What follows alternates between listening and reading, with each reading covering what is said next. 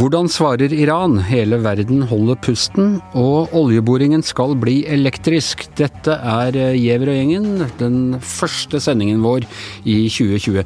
Vi har vært litt, uh, vært litt treige startere, Per Olav Ødegaard? Ja, og det er ikke fordi at det ikke har skjedd ting i verden. Nei, det har ikke det. Det har vært helt andre årsaker til at vi ikke har, har kommet oss eh, på lufta.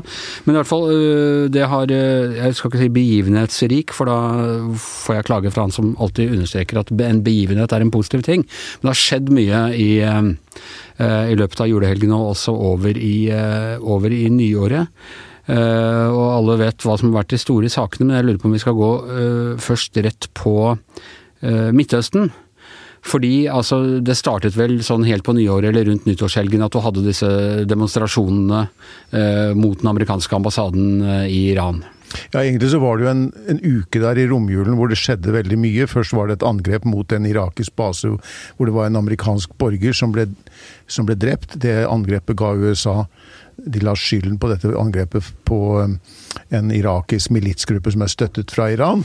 Uh, og så gikk amerikanerne til angrep på de, disse basene som denne militsgruppen har. Drepte en 25 uh, militante. Så, øh, som en reaksjon på det, så kommer denne beleiringen av den amerikanske ambassaden i Bagdad. Og det gir litt frysninger, og, og fordi det var liksom det som på en måte startet uh, hele de nye, den, ja, de nye, problemene i Midtøsten for, uh, for 30 år siden. Ja, absolutt. År siden, uh, med, med den, I den islamske revolusjonen i 1979, ja, hvor de tok gisler på den amerikanske ambassaden i Teheran. og også det som skjedde ved ved konsulatet i Benghazi under, det forrige, under i, i Obama sin tid, da mm. Hillary Clinton var utenriksminister. Så det vekket sånne tanker. Og eh, da og så var det da dette siste, med det drapet på general Soleimani, som er en veldig sentral person. Eller var en veldig sentral person. En av de mektigste person. mennene i Midtøsten? Utvilsomt kanskje den nest mektigste i Iran, og, veldig, og, deres arkitekt på en måte i det spillet om Midtøsten. Og en fyr det ikke er noe som helst grunn til å sørge over, selv om jeg ser at eh, Kameini gråt ved, ved båren hans i dag? Ja, han var jo Kameinis kanskje ja, høyre hånd på et vis. Eh, han som utførte det som Iran ville, med destabilisering og støtte bestemmer, til Og så var han redskapet deres? Uh, virkelig. Og en nådeløs og kynisk maktspiller selvfølgelig i Midtøsten. Så, uh, men det ved også da målbevisst drepe en ledende representant for et sånt regime får jo konsekvenser. Men du, hvor, La meg bare spørre om det. Hvorfor er dette så forskjellig fra å drepe Bagdadi, som var leder for IS, eller, eh, eller Osama bin Laden, som var leder for Al Qaida? Da jublet jo ikke hele verden, men hele eh, den verden som er, er eh, mot terror og, og radikal islamisme. Hvorfor får du ikke det samme jubelbrølet nå? Fordi at han er en representant for en stat, for en nasjon. Eh, de andre var jo representanter for terrorbevegelser, eh, som riktignok opererte internasjonalt, men som eh, og, Ikke offisielt ble støttet av noen nei, stater? Nei. Iran er jo en og Man kan mene hva man vil om Irans utenrikspolitikk og hvordan de opptrer i Midtøsten, og der er det jo all grunn til å være kritiske og til den rollen de spiller, for all del, og også internt i landet, med den undertrykkelsen de har. Men like fullt så er det han er en representant, en ledende representant da, for et regime eh, som ikke har noe annet Som har gjort det meget tydelig at de kommer til å svare på dette. Og vi vet ikke helt hva slags svar det blir. Men det kommer i en eller annen form, og, og så blir jo neste spørsmål hvordan da, vil da USA svare på det igjen? Og der har jo allerede eh, Donald Trump begynt å se seg ut mål. Han skal, han skal bombe hva var det, kultur, altså, nasjonale minnesteder og, og, viktige historiske og religiøse steder? Han har, han har 52 mål, og det er jo heller ikke noe tilfeldig tall, for det var jo 52 amerikanske diplomater i den ambassaden i Teheran i 1979. Er han blitt sånn numerolog? Ja, de satt, ja, det var jo iranerne òg. De satt der akkurat 444 dager, og disse 52 Nå er dette tallet kommet opp igjen. Det er Hvis det blir en sånn gradvis opptrapping, så er jo Og det er det som har skjedd nå. Vi har sett en sta, altså tiltak enda hardere mottiltak, hevn, nye angrep. og den opptrappingen er jo det som selv om mange og vi, Jeg tror ikke at partene ønsker en krig, så kan det føre til en krig. Dette fordi at det, Men er ikke dette i seg selv en krigserklæring? Når du dreper en høytstående general eh, fra et annet land i et tredjeland? Det er, det er krenkelser av liksom to suverenitetsdomener, og, og er ikke det en klar altså Hvis man hadde drept en, hvis en amerikansk general var blitt drept i Oslo av eh, Russland, ville ikke det vært en krigserklæring fra, fra russisk side? Jo, altså Amerikanerne har jo vært veldig oppsatt nå på å prøve å komme med en forklaring på hvorfor de valgte å gjøre dette nå. Og Det var fordi at det visstnok da skulle være umiddelbare planer om angrep på amerikanere i regionen, og at det skulle berettige at man nå øh, gjorde dette. Eh, men det har kom, også kommet andre forklaringer som ikke har vært sånn at det har vært litt øh, motstridende, dette.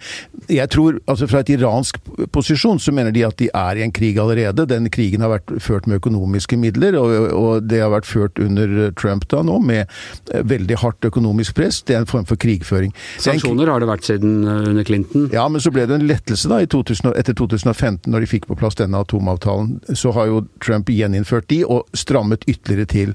Og så føler at Og iranerne har jo, enten selv eller gjennom sine allierte i regionen, svart på den økonomiske krigføringen, som de kaller det, ved å rette angrep mot saudiarabiske oljeinstallasjoner. Det var ikke Iran som gjorde det, men det var deres allierte, antageligvis i Jemen. Eh, og så, eller andre militsgrupper de støtter, som har jo også laget problemer for skipsfarten med å angripe skip i Gulfen, som vi husker fra i fjor sommer. Så dette har jo pågått over lengre tid og fått lov til å bygge seg opp. Eh, en annen viser nok en gang vår, vår, evne til å se inn i fremtiden. Men noe av det vi jo var litt forberedt på før vi gikk inn i julehelgen her, det var at det kunne skje noe i Nord-Korea. Eh, fordi Kim hadde lovet en sånn Overraskelse til jul? Ja, en, en, overraskelse til jul. Og det pleier sjelden å være noe hyggelig. Uh, og, og, man var liksom spent på, på, hva han skulle gjøre der. Hvordan uh, dette at Trump nå har vist fire and fury, som han truet Nord-Korea med i, i, sin tid, uh, på en måte sagt makt bak kravene, vist at han ikke bare er en papirtiger, som de kaller det i Kina. hvordan tror du det vil påvirke Nord-Korea? Vil de nå bli mer forsiktige? Oi, sa han, han mener visst alvor, han Trump, han er ikke bare en pratemaker. Eller vil de ut, kunne utnytte det at så mye oppmerksomhet eh, og ressurser nå er nødt til å gå mot, eh, mot Midtøsten?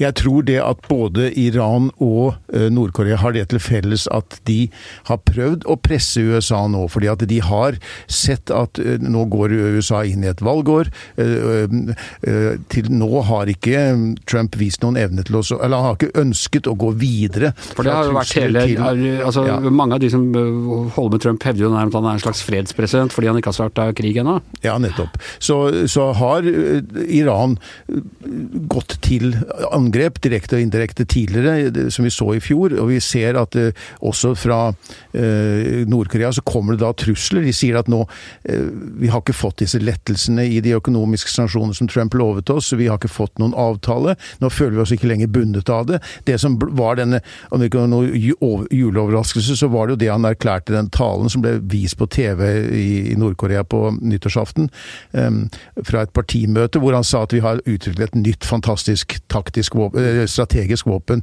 Ehm, og vi er ikke lenger bundet av denne, fordi at amerikanerne har ikke kommet oss i møte. Så jeg mener jo at både Iran og Nord-Korea er eksempler, to veldig sentrale eksempler i amerikansk utenrikspolitikk, hvor Trump har feilet på de begge. Han har ikke, han har sagt opp en avtale med Iran, han har ikke klart å komme i posisjon til å forhandle fram noen bedre avtaler, som han lovet å gjøre.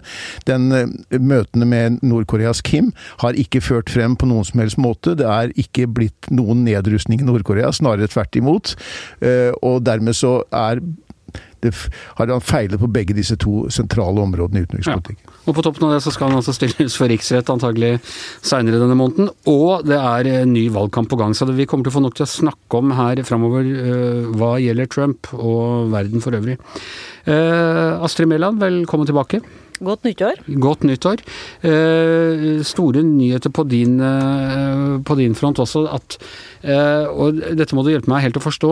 Eh, Equinor har funnet ut at de skal bruke det de, man kaller grønn kraft for å ta opp uh, oljen, altså selve hovedproblemet i, uh, i hele klimautviklingen. Forklar hva dette går ut på. Ja, Det er et kjempekompromiss, en kjempeavtale. Tidenes avtale ble det solgt inn som i dag, mellom fagbevegelsen og norsk industri. NHO, LO Eh, alle er med, politikerne, Arbeiderpartiet, Høyre. Eh, De vil altså da få ned utslippene på sokkelen, på norsk sokkel, helt ned i null eh, i 2050. Skal de reduseres eh, i 2030 òg. Altså, man skal, man skal få ut utslippene fra den energien man bruker for å ta opp oljen. Ja, det er Men man har ikke funnet noen måte at oljen da i seg selv, eh, eller altså forbruk og brenning av olje på noen måte eh, blir mer miljøvennlig? Nei, nå må du bli helt eh, MDG da, Anders. Vi får begynne med så hardt jeg kan.